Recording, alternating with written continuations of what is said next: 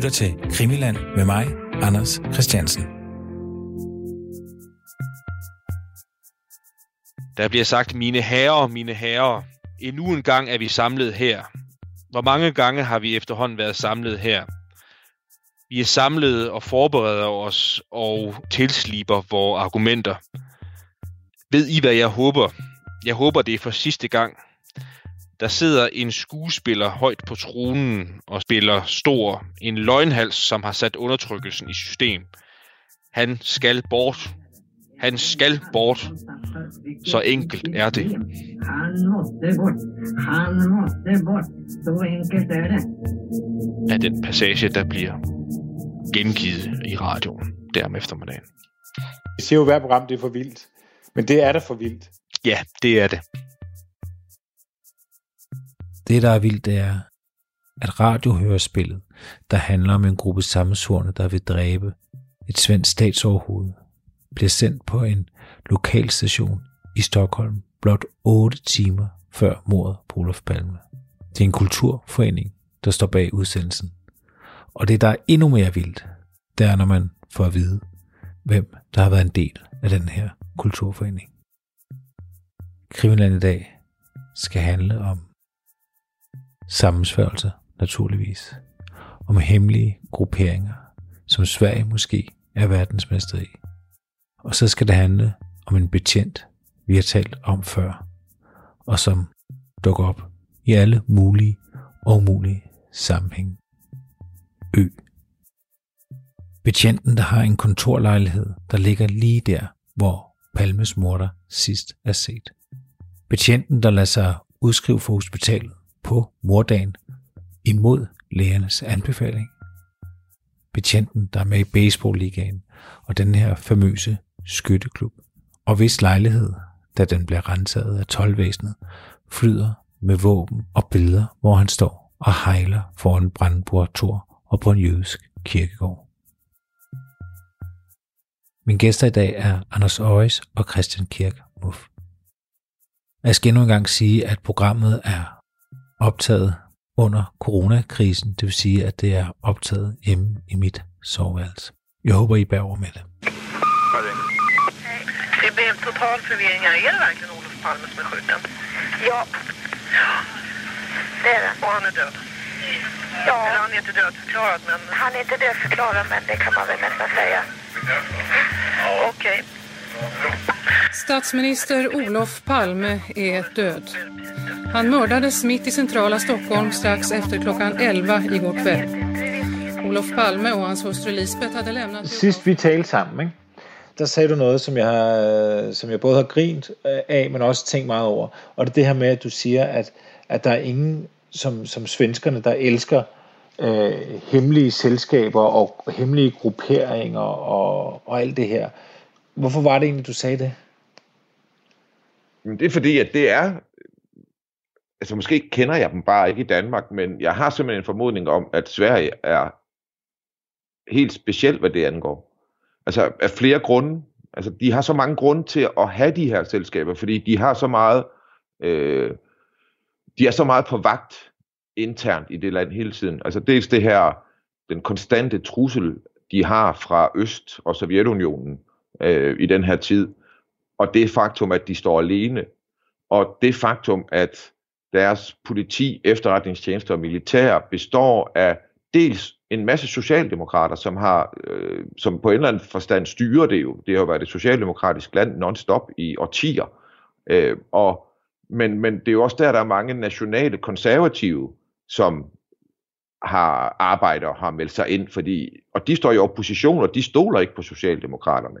De anser i, i altså, de synes dybest set, at Sverige skal ind i NATO så snart som muligt, og de synes, at det Palme og Socialdemokratiet står for i forhold til sådan en neutralitetspolitik, at det er pissefarligt for Sverige, og de er bange for, at Palme er i gang med at trække dem for langt mod øst, og nogle af dem er overbevist om, at Palme er agent for russerne, Sovjetunionen. Så på det tidspunkt, der har alle, alle mulige grunde til at lave alle mulige former for hemmelige grupperinger. Altså, Socialdemokratiet lavede deres egen fordi de var bange for, at arbejdspladserne ville blive infiltreret af kommunister, som ville blive tillidsmænd, og som ville infiltrere Socialdemokratiet. Så de havde deres egen efterretningstjeneste. Militæret havde deres egen, politiet havde deres egen, og Palmehistorien viser, at der skal ikke særlig meget til, før at man nedsætter et selvbestaltet efterretningsgruppe i hemmelighed med Øh, øh, med jurisdiktion fra justitsministeren, uden der er nogen, der ved det. Og her tænker jeg på Ebbe Carlson-affæren, der kommer efter Palmemordet, men som bare som et af mange eksempler. Og, og, øh, og sidst vi snakkede vi også om det her med Olof Fronstadt, som var kontraspionagechef i 70'erne i Sverige, og som lige pludselig modtager en kvinde på hans kontor, som tydeligvis kender hans kalender. Hun ved, at han har tid. At hun kender hans kalender, men han ved ikke, hvem hun er. Og så kommer hun ind, og så siger hun, Øh, øh, han tror, at han skal give hende noget, at hun vil have noget at vide, eller et eller andet, men, men det er helt modsat. Hun siger, nej, nu skal du høre her, jeg har en masse folk, vi løber rundt på, øh, vi kører rundt på motorcykler og knaller der, og vi bruger walkie-talkies, og vores område er Stockholms indre by, andre grupper har andre områder, og vi holder øje sådan med narkomaner og venstrefløjen og folk, der ligesom er skidt for Sverige. Og det vil vi bare fortælle dig. Og så går hun igen. Hvad med det? Hvor kommer hun fra? Altså, hvad er det for noget? Og, og, og hun kalder sig bare Barbro. Ja.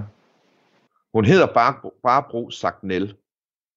Og, og hun er øh, altså øh, sindssygt fascinerende, synes jeg, i det her spil, fordi altså på en eller anden måde, så ligner hun, øh, hun ligner lidt min mormor. Hun er sådan en kraftig bygget, øh, øh, gæv kvinde, øh, som først er gift med en mand, der har der har sådan et lidt mere sådan adeligt navn, hvor hun kommer ind i nogle finere kredse. Han dør, og så bliver hun gift igen med en, øh, en mand, som også er involveret i militæret, ligesom hendes første mand var. Og, og hun blev involveret i det, der hedder den frivillige radioorganisation, FRO, som er en søsterorganisation, en civil søsterorganisation til FRA, som er Forsvarets Radio, og så hvad A står for et afdeling, sikkert. Forsvarsradioafdeling. Det hedder i hvert fald FRA, og det er den militære del af det her. Og det er en central del af Sverige i deres forsvar i 50'erne og 60'erne og 70'erne og 80'erne. Fordi Sverige er kæmpestort, og det at kunne sende signaler fra den ene ende af landet til den anden, uden at de bliver opsnappet og afkodet, er super vigtigt. Men også at aflytte signalerne rundt om i inde i Sovjetunionen, inde i de baltiske lande. Øh, det er super vigtigt for dem også. Så derfor, ud over dem, der er aktive i militæret, der har de ligesom den der FRO, som ligesom sluser. Jeg tror, det er sådan, at Barbro og hendes mand og andre har holdt øje med de rigtige kandidater, som ligesom er sævet igennem ind i den militære del, øh, og så har de også i de rigtige kredse, i de rigtige, måske borgerlige, nationale, højreorienterede kredse, rekrutteret ungdom, som havde det rigtige sindelag. Og så er de blevet trænet i at kunne bistå øh, militæret eller være undergrundsorganisationer, hvis Sverige skulle blive øh, øh, besat, men de har også kunnet fungere som efterretningstjenester i fredstid som har kunnet overvåge og opspore øh, det, hun kalder øh, sådan venstreorienterede aktiviteter og narkomaner og kriminalitet. Det er det, hun siger, de er, de er ude efter. Ikke? Jo, og de har, de har jo sådan unge, unge med, som du siger, der, der, der har øh, knaller der og walkie-talkie og kører rundt også i nattelivet i Stockholm. Og motorcykler. Og, og, og, og, og nok så vigtigt, træningen, de gennemgik i FRO, den bestod for eksempel i, at de lærte at telegrafere med venstre hånd. Der er et billede, jeg har set, hvor der ligger sådan en, der kunne faktisk være Barbro selv, øh, et billede fra 50'erne, hvor der ligger en kvinde, og hun telegraferer med venstre hånd, du ved, sådan en, man skal slå på med fingrene, ligesom man kender det fra westerns. Øh, øh, sådan et virkelig gammelt system. Og med højre hånd, der ligger hun og skyder mm. med en øh, pistol. Så de lærte at, at skyde samtidig med, at de telegraferede. Så det er, det er ikke sådan nogen, altså de kan lidt, de her folk, ikke? Ja, ja. Altså telegrafere med den ene hånd og skyde med den anden hånd. Ja. Det, det lærte de simpelthen. Og, og man kan sige, i, i, i dag, der lyder det jo sådan noget med, med, med telegrafer og walkie-talkie og, og radiosendinger og sådan noget, lyder jo sådan bedaget. Der skal man bare huske på jo, altså teknologisk set var man jo også et helt andet sted, så det var jo faktisk ret væsentlige egenskaber. Det der svarer til, at det du lærte, det var at sms'e med venstre hånd, samtidig med at du skød med højre. Ja. Ikke? Jo. Øh, øh, og, og, øh, og så var det så bare deres sms dengang og telegrafere. Og det var sådan et, ja, det var sådan et mobilt, øh, et mobilt øh, setup, de havde på det. Så, så svenskernes taktik var jo, hvis de blev øh, invaderet, så vil de forsvinde ind i skovene, og så vil øh, det meste af deres øh, befolkning blive til partisaner. Mm. Og, og det, der undrer mig ved den her historie, øh, med den her Barbro-gruppe, som ham Frontstad jo øh, spekulerer meget over i sin, sin erindring, og han, han mere end antyder jo, at han, han forestiller sig, at de faktisk godt kunne stå bag mordet på, på Palme. Det er jo det her med, at hun føler, at hun skal gå op og fortælle Sæbo, at de findes. Ja. Altså, Altså, det, er selv, bange. det, det er selvbilledet. Ja, altså, det, den, det, altså det, det er vildt bemærkelsesværdigt, at han, kontraspionagechefen i Sverige i 70'erne, den første tanke, han får, da Palme, han får nyheden om, at Palme er skudt, det er, at han tænker på hende og hendes gruppe. Ja. Altså, det, det, det jeg synes jeg er opsigtsvækkende øh, i sig selv. Men den selvtillid, hun gør det med, og det viser sig jo, altså, at hun bare kan møde ind der, at hun kender hans kalender. At han skriver jo, han skriver det ikke sådan direkte i, i hans erindringer, men det fremgår af det stykke, hvor han beskriver det meget tydeligt, at, at han selv er rystet over, at hun kender hans kalender. Og, og, øh, og det viser sig jo også, at hun er forbundet med, med IP, som det hedder på det her tidspunkt, som senere bliver SSI og KSI, som er den militære efterretningstjeneste. Så den militære efterretningstjeneste laver aktiv kontraspionage i, øh, i Sverige. Og det tror jeg faktisk var Sæpos opgave. Det tror jeg ikke var deres opgave. Eller det er det i hvert fald ikke i Danmark, så vidt jeg ved. Mm. Altså der tror jeg, at PET står for, du ved, også kontraspionage i Danmark, mens FED står for aktiv spionage uden for landet. Men jeg ved ikke lige, hvordan de fordeler arbejdet. Det er i hvert fald, jeg synes det er i hvert fald det er påfaldende, at den militære efterretningstjeneste går til politiets efterretningstjeneste og siger, I skal bare vide, at vi kører rundt ind i Stockholm med walkie-talkies og motorcykler og knaller der og skygger alle mulige. Så hvis I ser nogen, så er det sikkert os. Ja, det er, jo, det, er jo det, det er jo det, han får at vide. Han får jo faktisk at vide, at det er bare os, og I skal, og I skal bare lade være med at blande jer. Ja, ja. Det, det går Og hun det- op og siger til Se, altså Sepus kontraspionagechef. Yes. Og så vil jeg lige have lov til at bare skyde ind her, for at knytte tilbage til Mr. X-historien og Geyer-affæren.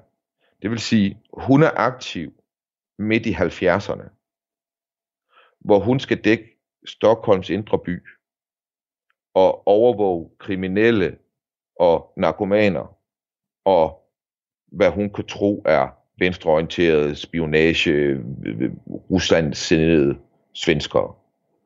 Så hvis hun er bare nogenlunde gør sit arbejde, så ved hun også, hvad der foregår omkring Mr. X og Doris Hup og Lennart Geier, justitsministeren, og de unge piger og de polske prostituerede, som snakker med ansatte på den polske ambassade osv. Det ved hun også alt om.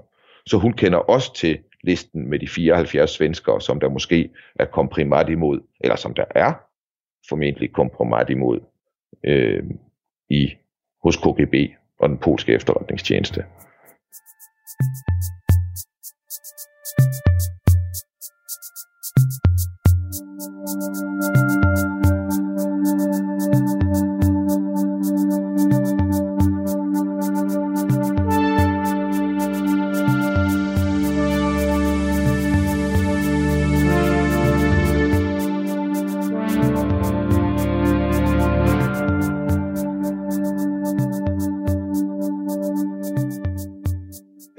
Altså øh, øh, politimanden, der bliver kaldt Ø i, i, i det, man har skrevet og, og efterforskningerne omkring Palmemor.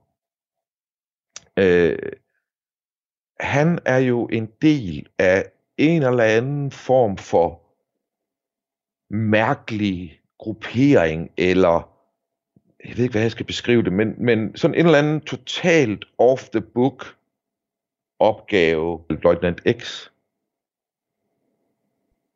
at Ø og X arbejder sammen omkring et, det de kalder sådan et forsøg, hvor de vil prøve at se, hvor tæt de kan komme på at slå lederen, den øverste militære leder i Sverige, ihjel.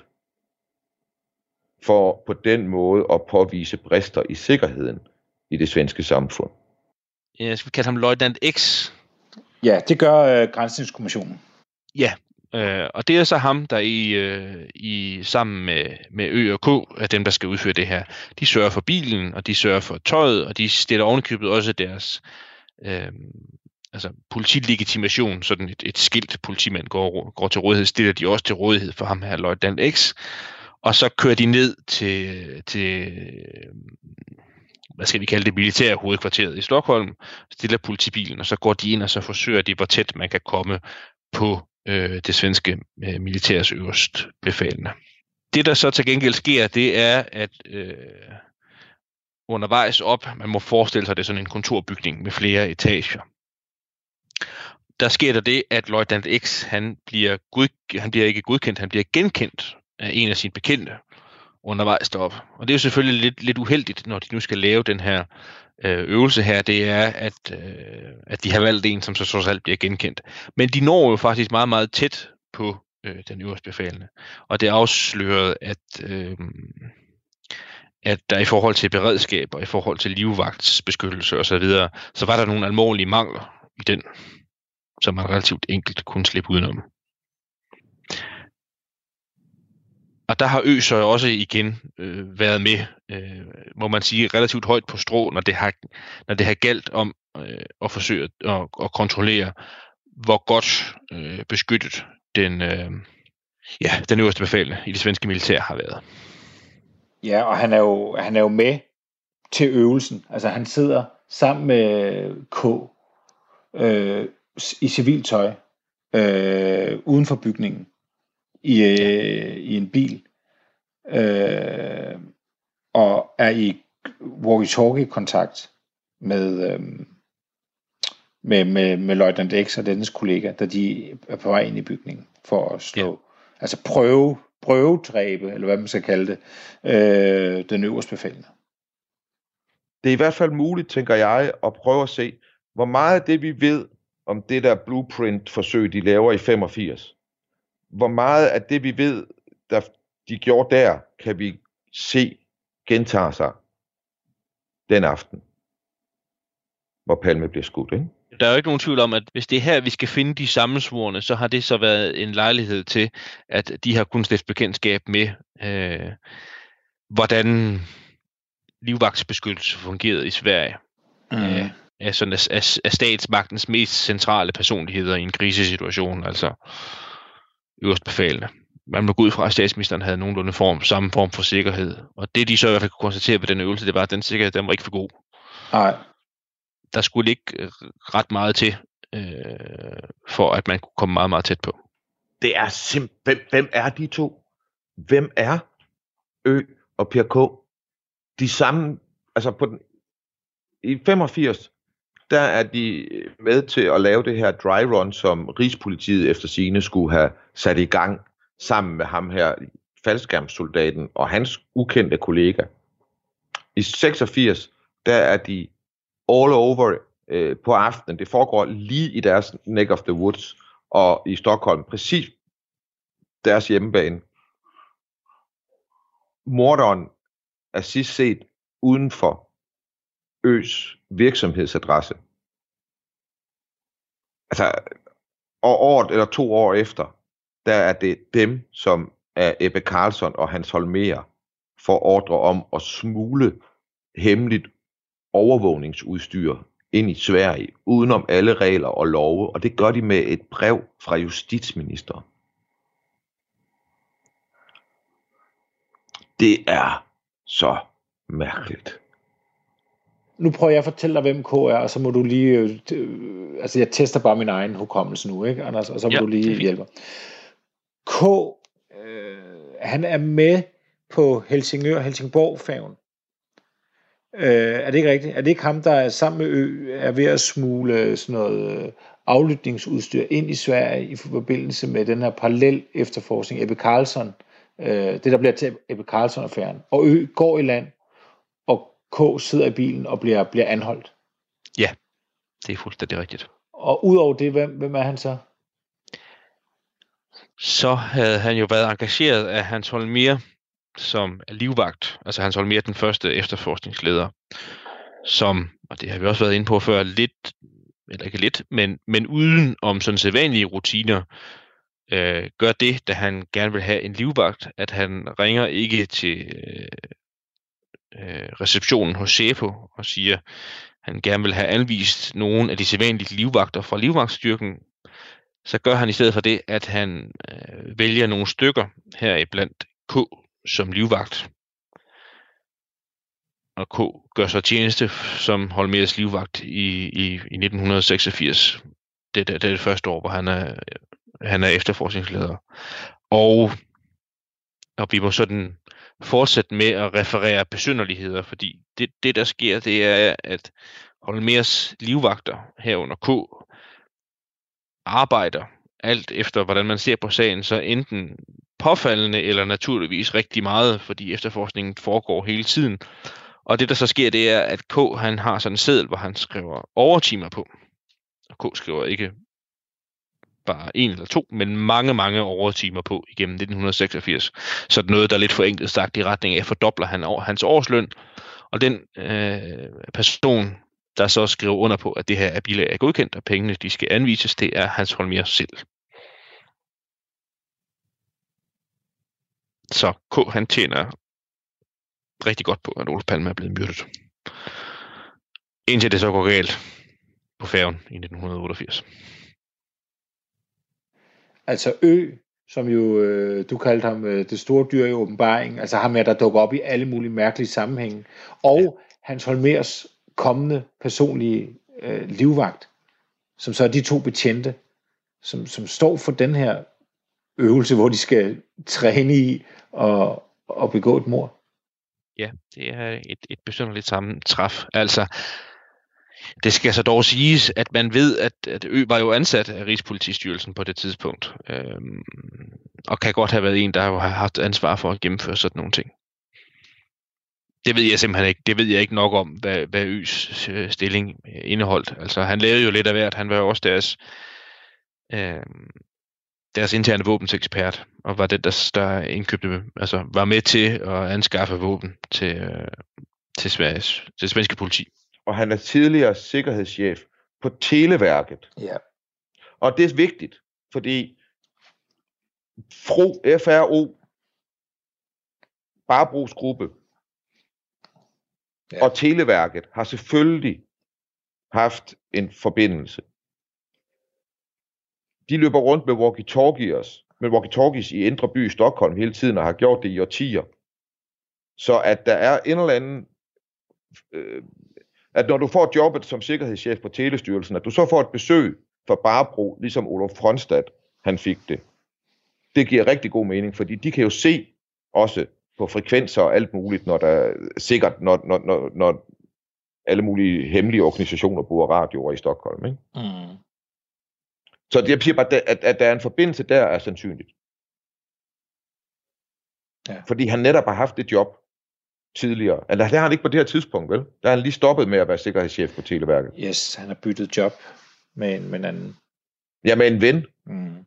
Som også er en del af netværket, som sådan er mere end bare, at de har job sammen. Yes. Og, og der var hans sikkerhedschef i et distrikt i Stockholm. Og det var ikke hvilket som helst distrikt.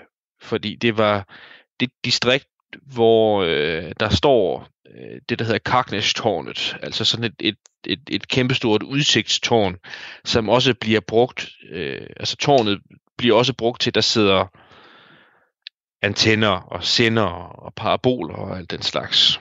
Øh, og øh, også, også sådan politi- og militærinstallationer sidder der også på det her tårn her.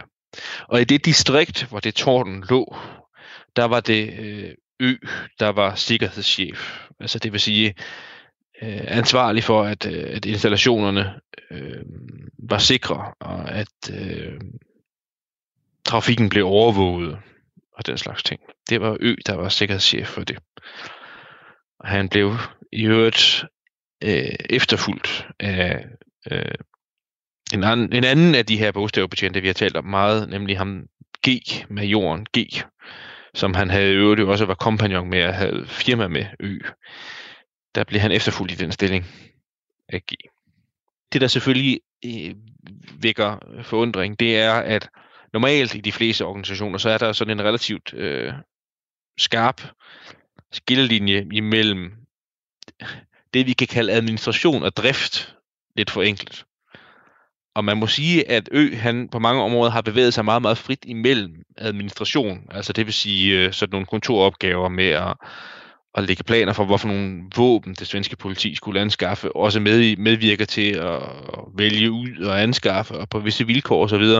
Og så af og til, så har han taget sådan en rask lille udflugt ud til driften.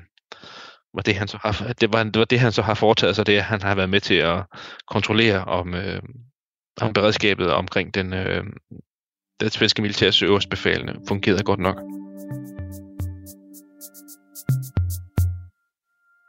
Men altså, hvem er X? Er bare for øh, at gøre X øh, endnu mere mystisk, ikke? Fordi øh, Løjtnant X er jo et fedt navn. Men han, øh, han går også under navnet Jægernisse.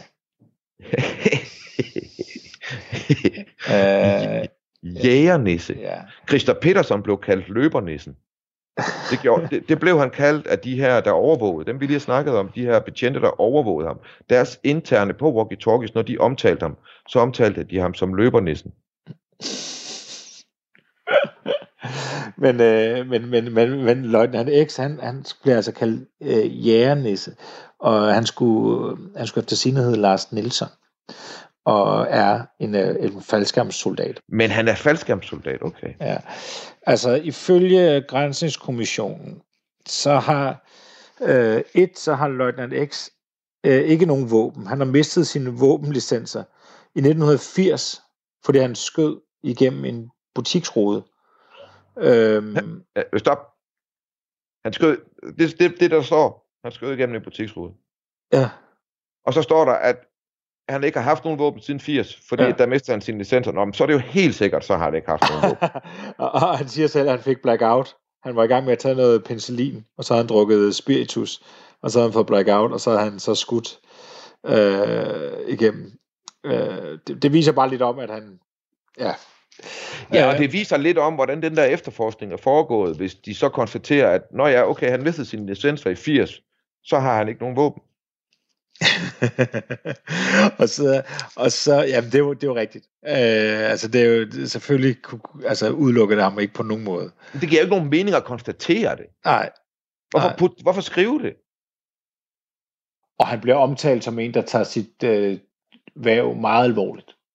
Ja, det er også det, man kan udlæse ud af Grænsningskommissionens betænkning. Altså, faldskærmsjæger, antisabotage, styrke i, fly, i flyvevåbnet og våbenkyndig. Ja.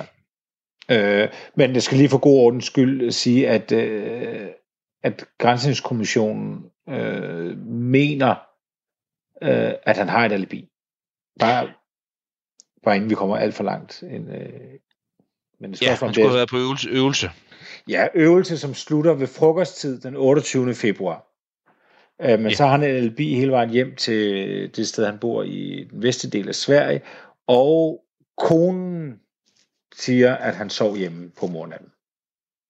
Nå, men altså, det, det er jo et alibi i en eller anden forstand, men, men det er jo netop også et hustrualibi, ikke? Altså, øh, men, men altså, det, altså, igen, det behøver jo ikke at være ham, der skulle have gjort det, for at en sådan her teori kunne være rigtigt. Altså, hvis du laver et, øh, et, et blueprint-forsøg som det der, så kan du jo godt skifte ham, der skal gøre det ud.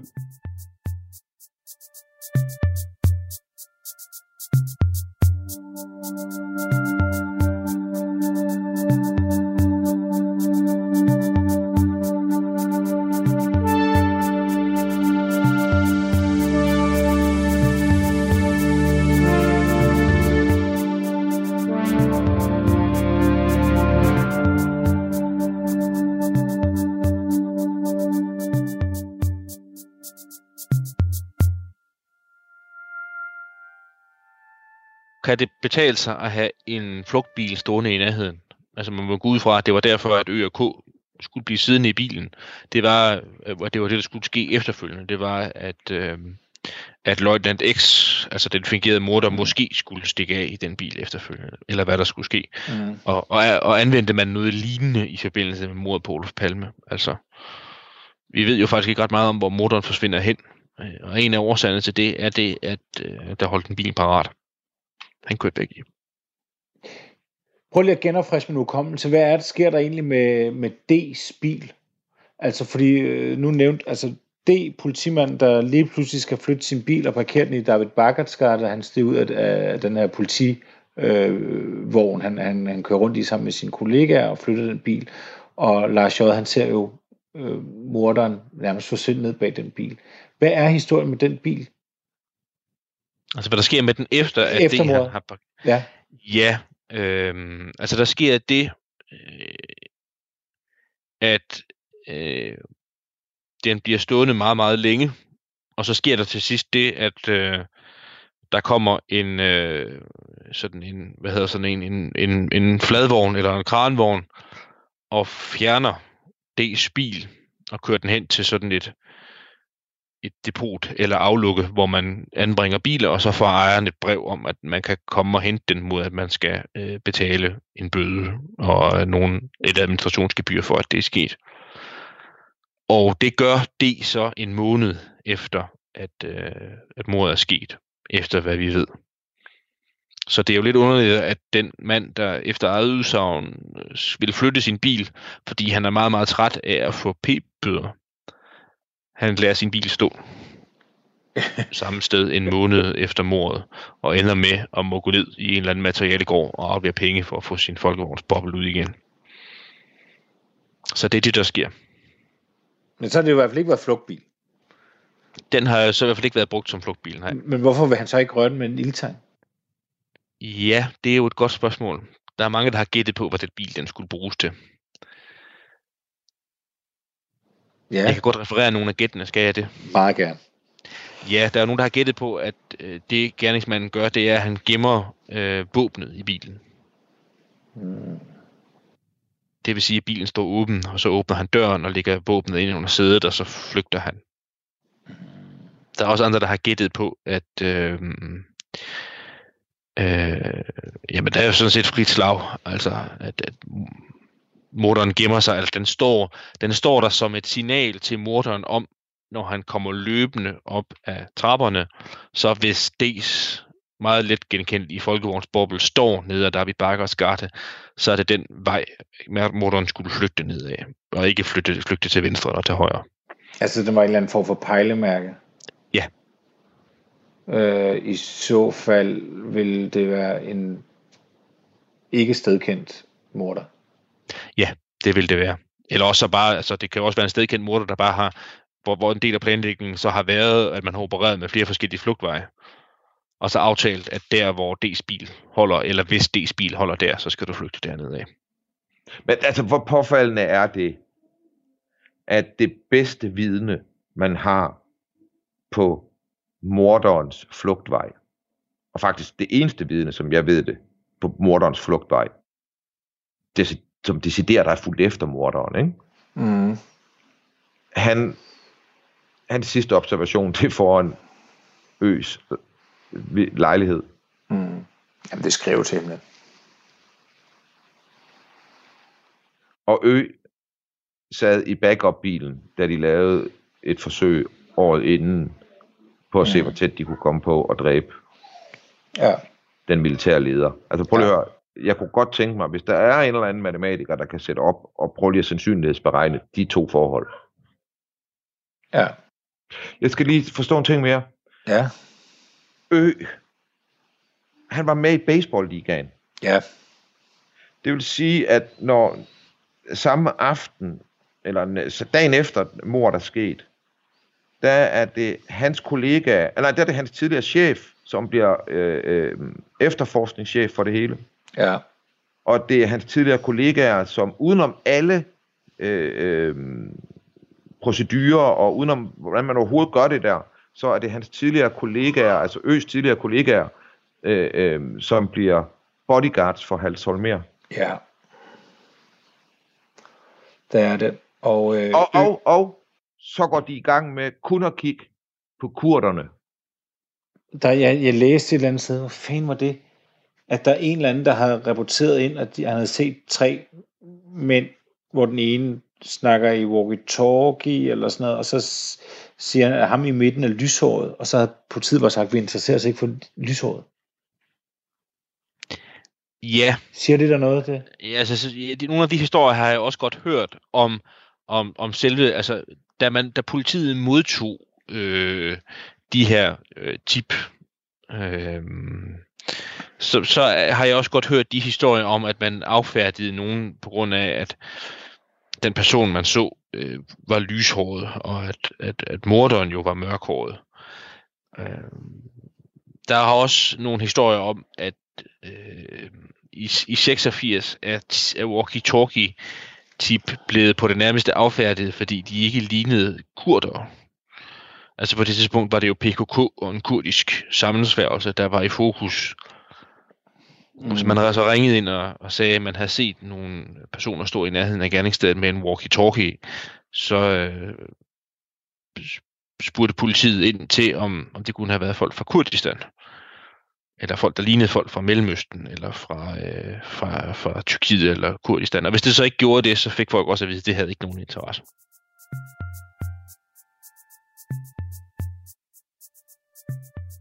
D's bil bliver som bekendt parkeret i David Bagarts gade, lige ud for Ø og G's kontorlejlighed. D og G og Ø, de er alle tre medlemmer af Stockholms Forsvarsskytteforening. En skytteforening, som vi allerede har omtalt og vil absolut komme til at omtale igen. Blueprintet, som Christian Kirk Muff taler om, består altså af fire mennesker, to i aktion, to i backup. De bruger walkie-talkier, og de bruger en flugtbil. Det med walkie-talkierne er meget interessant, men det tager vi altså i et kapitel for sig. Der er simpelthen så mange forskellige og interessante indberetninger, så det tager vi altså i et senere afsnit, der udelukkende kommer til at handle om dem. Men vi skal lige gøre Ø færdig kanske var några uslingar eh, som skulle smuggla eller vad vet jag. Men att det var någonting inte normalt, det, är jag fast övertygad om. Och jag kände igen ljudet som ett sånt där eh, radiosändarljud eller teleprinterljud. Och högt. Väldigt högt. Øhm, en anden ting, jeg lige vil spørge dig om, Anders. Sådan en som Ø, ikke? Ja. Vil han kunne bruge en, sådan en telegraf? Øh, ja, jeg kan jo næsten gætte, hvorfor du spørger. øh, og det er jo også et af de savnomspundne tip, der har været. Øh, nemlig, så vidt jeg husker, nogen, der bor øh, i en etageejendom i Stockholm, Smidtby. Øh, og de bor et, et, et, et sted, hvor der er sådan et loftsrum op over dem. Ja. Hvor de, øh, så vidt jeg husker, endda både i tiden op til, øh, til den dag, hvor han bliver myrdet, og så om natten, hører sådan noget, der kan minde om en, der sidder oppe i det her loftsrum her, og telegraferer. Ja. Øh, det er rigtigt. Det, det er præcis derfor, jeg spørger. Ja. Øhm, og jeg ved simpelthen ikke, om det kan have været en del af uddannelsen til øh, betjent i 60'erne og 70'erne, hvor, hvor Ø er blevet det. Det tror jeg ikke. Altså, der skal man jo formentlig lede efter en, der har, har baggrund i floden, eller som har sejlet som sømand. Ja. Øhm, det er, det er, det er et, et ægtepar, som, øh, som hører sådan, og de, de er ikke i tvivl om, at, at det er noget, at det lyder som en, en, en god gammeldags telegraf og noget morsekode. Øh, manden synes, at han kan genkende nogle af bogstaverne nogle gange, hvor han siger, det der, det var da et M, eller hvad det nu kan være. Og, og hun har under krigen arbejdet med at sidde og aflytte sådan tyske øh, radiosendinger og sådan noget. Så hun kan også genkalde sig, at det, at det er det. At det er det, de lyde, de hører. Og, yeah og grund til, at og grund til, at vi, vi, vi blander ø ind i det, det er den her besynderlighed, at de er ved at blive renoveret, de her loftsrum, til at blive til lejligheder øh, på det her tidspunkt. Og de er så indflytningsklar øh, noget tid efter mordet. Og den første mand, der flytter ind i den lejlighed, det er Ø. Den oplysning kendte jeg så altså ikke. Men det, men det er jo meget interessant, må man sige. Det er vores ven Bornes. Ja, øh, det, er, det er meget interessant. Så kan man selvfølgelig gætte på, om han har haft, øh, han har haft en nøgle, før han flyttede ind. Og, og, og man kan jo ikke udlede andet end, end det, at det er øh, en... Altså, jeg tror, Bornes han beskriver det endnu en, en besynderlighed vedrørende ø. Det er jo ikke ja. en smoking gun eller noget, men det er bare mærkværdigt. Og, og de siger også, det her par, øh, det, det er konen, han har snakket med, at, at de aftager, altså efter mordet, så, så, så lytter de meget efter at høre nogle lyde, men de kan ikke genkalde, at det er de samme lyde, de hører efter mordet. Men op til har der været meget hæftig aktivitet, og især på mornatten. Ja, på mornatten er der også, altså ja. de kan høre det der klassiske tik-tik-tak, dik-dok-lyd. Ja.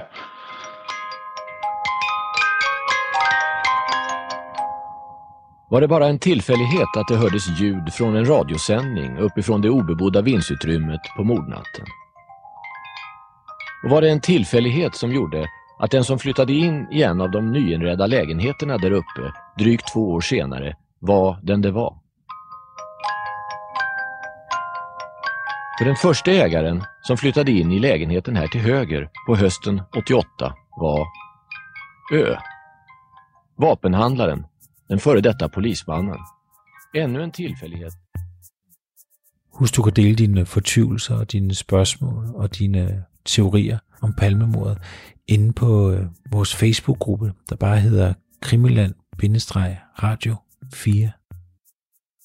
Men nu skal vi tilbage til, hvor udsendelsen startede, til et lille radiohørspil. Mina herrar, för vilken gång i ordningen är vi här? För vilken gång i ordningen är vi församlade och förbereder oss och slipar våra argument?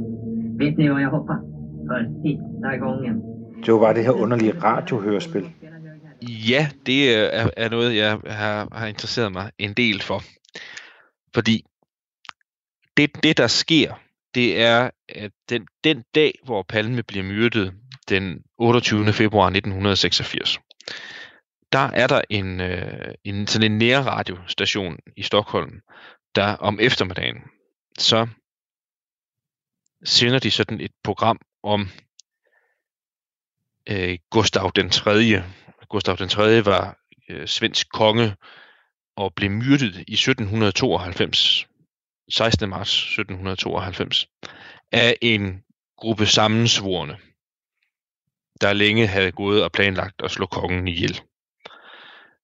Øhm, og i den her nærradioudsendelse, der bliver så øh, spillet sådan nogle, øh, nogle altså en, en dramatisering, øh, et teaterstykke, der er, øh, er lavet om, om de her sammensvorene, der slog kongen ihjel.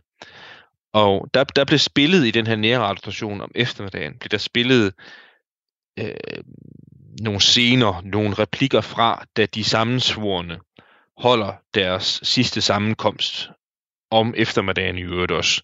Øh, Gustav den 3. blev myrdet øh, ved midnat om aftenen der i, i marts 1792, og de sammensvorene mødtes om eftermiddagen for at planlægge de sidste detaljer. Og i den her nærradioudsendelse, der, der spillede man dels nogle replikker fra de sammensvorene sidste sammenkomst, og så var der så sådan en fortællerstemme i baggrunden, der fortalte, at det her drejede sig om en svensk statsmand, der bliver myrdet, og man kan selv tænke over hvem, og så skulle han angiveligt have sagt noget i retning af, det drejer sig ikke om Gustav den 3. Og det der så sker, det er, at der er nok flere, men i hvert fald mindst en opmærksom dame, der sad og lyttede til det her radioprogram her. Og så henvendte hun sig øh, til politiet dagen efter mordet og sagde, at det var der godt nok et underligt sammentræf. Må ikke det skulle undersøges nærmere. Øhm, og efter hvad vi ved, at det blev det så til gengæld ikke efterforsket øh, ret grundigt af politiet. Men oplysningerne kom så til vores husven Lars Bornes kendskab. I første omgang, da han var ansat ved Sveriges Radio i det program, der hed Kanalen, men han undersøgte det også senere, da han var ansat ved tv. Øh, og det lykkedes så for Bornes at få øh, travlet lidt op om, hvad det var for en nærradiostation, der sendte det her program her. Og det var øh, en, det der, øh, altså på svensk hedder det, sådan, sådan en blanding af dansk og svensk, så må det være sådan en slags kulturforening, eller et eller andet, man kan kalde det, der hed, øh, øh, det, det latinske navn for det, øh, hvad hedder det, avantgardens sammenslutning, eller selskab. Bornes kunne så øh, finde ud af, hvem det var, der tegnede den her forening her, hvem der var medlemmer af den, og hvem der sad i bestyrelsen, og hvad det var for nogle folk. Og det var sådan øh, en skøn blanding af, af nogle af de her mere eller mindre sekteriske kredse, vi har talt om før, der alle sammen havde det til fælles, at de bestemt ikke kunne lide Olof Palme. Så vidt jeg kan se, så er det altså, vi snakker den yderste højre kant. Ja, det må man sige, det er det. Og noget af det, øh, borgerne så til gengæld også fandt ud af, hvis vi skal dvæle lidt mere ved nogle af de betjente, vi har talt om før, det er, at den øh, politimand Å, som vi har talt om flere gange, som blandt andet også har arrangeret sådan nogle øh, møder i, i Stockholm, øh, hvor en tilsvarende personkreds mødtes, og den politimand, der ringede ind til en politistation på mornatten og fik sagt de her bevingede ord om, at så døde den forbandede fæhund, eller noget, den, den dur. Det er politimand Å, og politimand Å havde været med øh, i, i den her kulturforening, og i øvrigt også en, i en periode i bestyrelsen for den. Og en anden gammel kældning, som dukker op til overfladen igen, nemlig Ø, skulle angiveligt have fuldtes med Å til flere sammenkomster i den her forening her, der sendte det her radioprogram.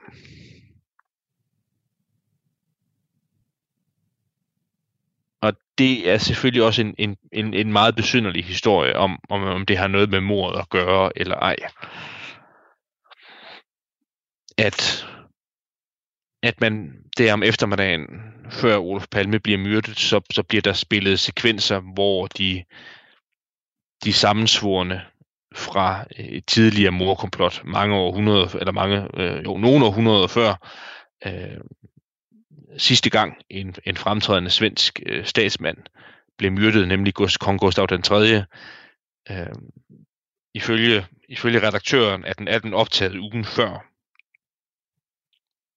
Altså de her, de her folk i radiostationen, de mødtes åbenbart hver fredag for at optage næste uges udsendelse. Det har de så også gjort her. Det det, der selvfølgelig er nogen, der har spekuleret over, det er, om det er, er noget, der har tjent som en eller anden form for forvarsel. Altså noget af det, der er, øh, er en berømt detalje ved mordet på Gustav den 3., er, at Gustav den 3. modtog et advarselsbrev nogle timer før han blev myrdet. Øh, det sker på den måde, at øh, altså, Gustav den 3. bliver myrdet ved et maskebal. Altså sådan, hvor øh, adelige og hele øh, kongens personale og nærmeste, øh, det var åbenbart meget moderne øh, dengang, og en lille smule dekadent. Det, det var så, at man mødtes til sådan nogle selskaber, hvor folk de gik rundt med sådan nogle, de fleste kender dem måske fra film, altså, altså folk gik rundt med sådan nogle masker foran ansigtet. Og kongen skulle deltage ved et maskebal den, den, den, øh, den pågældende aften, og får så øh, nogle timer før, får han et advarselsbrev fra en af de sammensvorene, mm. som han så ikke tager alvorligt. Og det kan man så gætte frit på, om, om det er noget tilsvarende, der går så gældende. Altså, at der er nogle sammensvorene, der har planer om at få noget ud i æderen. Og, og, og melodien er så igen lidt den samme. Altså, det er underligt, at politiet modtager nogle oplysninger, som det ikke er dem, der efterforsker. Så vi skal have en, øh, en, en ihærdig og utrættelig øh, journalist til at undersøge. Og så i hvert fald som minimum konstatere, at, øh, at nogle af de navne, der går igen i andre sammenhænge blandt øh, Palmes mest ihærdige modstandere, de er så også blandet ind i den her historie her. Ja. Og men meget indirekte, men blandet ind i den. Altså, de, de, de, de var, altså, Å var med i den her kulturforening, og sad i bestyrelsen i kulturforeningen. Ja. Og han, og han skulle efter sin have hævet Ø med til nogle møder en gang imellem. Ja. Og det kunne jo sagtens være, at det her hørespil har fungeret som en eller anden, selvfølgelig en advarsel, men det kunne også være sådan en øh, call to action, det er i aften, det sker. Ja, det er så også et andet bud på, hvad det kan have været. Altså, det har været sådan en besked om, at det er i aften, vi slår til. Mm. Specielt fordi den er jo meget effektfuld, øh, den der den passage, øh, der, bliver, der bliver gengivet i radioen. Øh, det er en af de sammensvorene. Øh, og jeg kan måske skal jeg se, om jeg kan smøre min stemme og læse op, hvad der bliver sagt. Ja. Der bliver sagt, mine herrer, mine herrer, endnu en gang er vi samlet her. Hvor mange gange har vi efterhånden været samlet her? Vi er samlet og forbereder os og øh, tilsliber vores argumenter. Ved I, hvad jeg håber? Jeg håber, det er for sidste gang. Der sidder en skuespiller højt på tronen og spiller stor. En løgnhals, som har sat undertrykkelsen i system. Han skal bort. Han skal bort. Så enkelt er det. Af den passage, der bliver gengivet i radioen der om eftermiddagen. Jamen, det er da for... Altså, jeg ved godt, vi, er vi siger jo hver program, det er for vildt. Men det er da for vildt. Ja, det er det. Og, og det skulle efter sine være indspillet ugen før. Altså, det er ikke en liveudsendelse, men det, det er noget, der er optaget. Det er optaget en uge før, og så er det blevet sendt. Det er optaget en uge før, og det er optaget, så det er lidt på en speciel baggrund, fordi øh, S, S, SVT, tror jeg, øh, er faktisk på det tidspunkt i 1986 i færd med at indspille det her værk her, sådan så det skal, det skal sendes ud i æderen i SVT senere. Og en af dem, som så er medlem af Kulturforeningen, har, har så haft en mindre rolle i den her opsætning her. Og han har så kopieret manuskriptet, og så har de så siddet efter hans udlægning der fredagen før, så har de siddet og lavet udsendelsen, og så har han så haft manuskriptet, og så har han læst den her passage her op. Og igen, det kan jo selvfølgelig bare være et, endnu et tilfælde. Men altså, det, det er jo bare, det samler bare til bunke af, af tilfældigheder, ikke? Ja. Altså, det, det, det er nogle enkelte personer, og så i øvrigt synes jeg også, det er værd at nævne, det er jo i borgernes udlægning, så har han jo været nogle af de folk her igennem, som var tilknyttet øh, den her nære radiostation. Og, og det, det var udover øh, Å og Ø, så var det også mange andre af de the usual suspects, som man siger. Altså, det er, er, er folk fra IAP og øh, øh, bevarer Sverige svensk. Altså alle, alle de her øh, øh, lidt obskure øh, politiske grupperinger øh, i omegnen af højrefløjen, der Mm. mødes, og igen er dem, hvor man må formode, at man her kan finde nogle folk, som ikke bare sådan er politisk modstander til Olof Palme, sådan i al almindelighed. Altså sådan på læserbrevsskribent-niveau, men øh, rent faktisk virkelig, virkelig ikke kunne lide Olof Palme. Og de har så deres egen lille øh, private radiostation, der sender det her budskab ud i æderen den dag, hvor Palme bliver myrdet. Vet ni vad jag hoppas? För sista gången. Det sitter en skådespelare på tronen och spelar hög herre. En lögnhals som satt förtrycket i system. Han måste bort. Han måste bort. Så enkelt är det.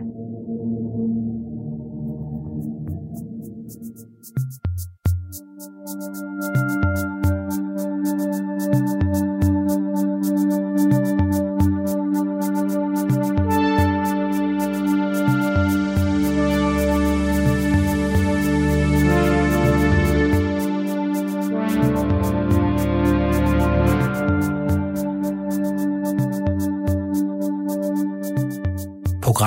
Produceret af Wingman Media for Radio 4.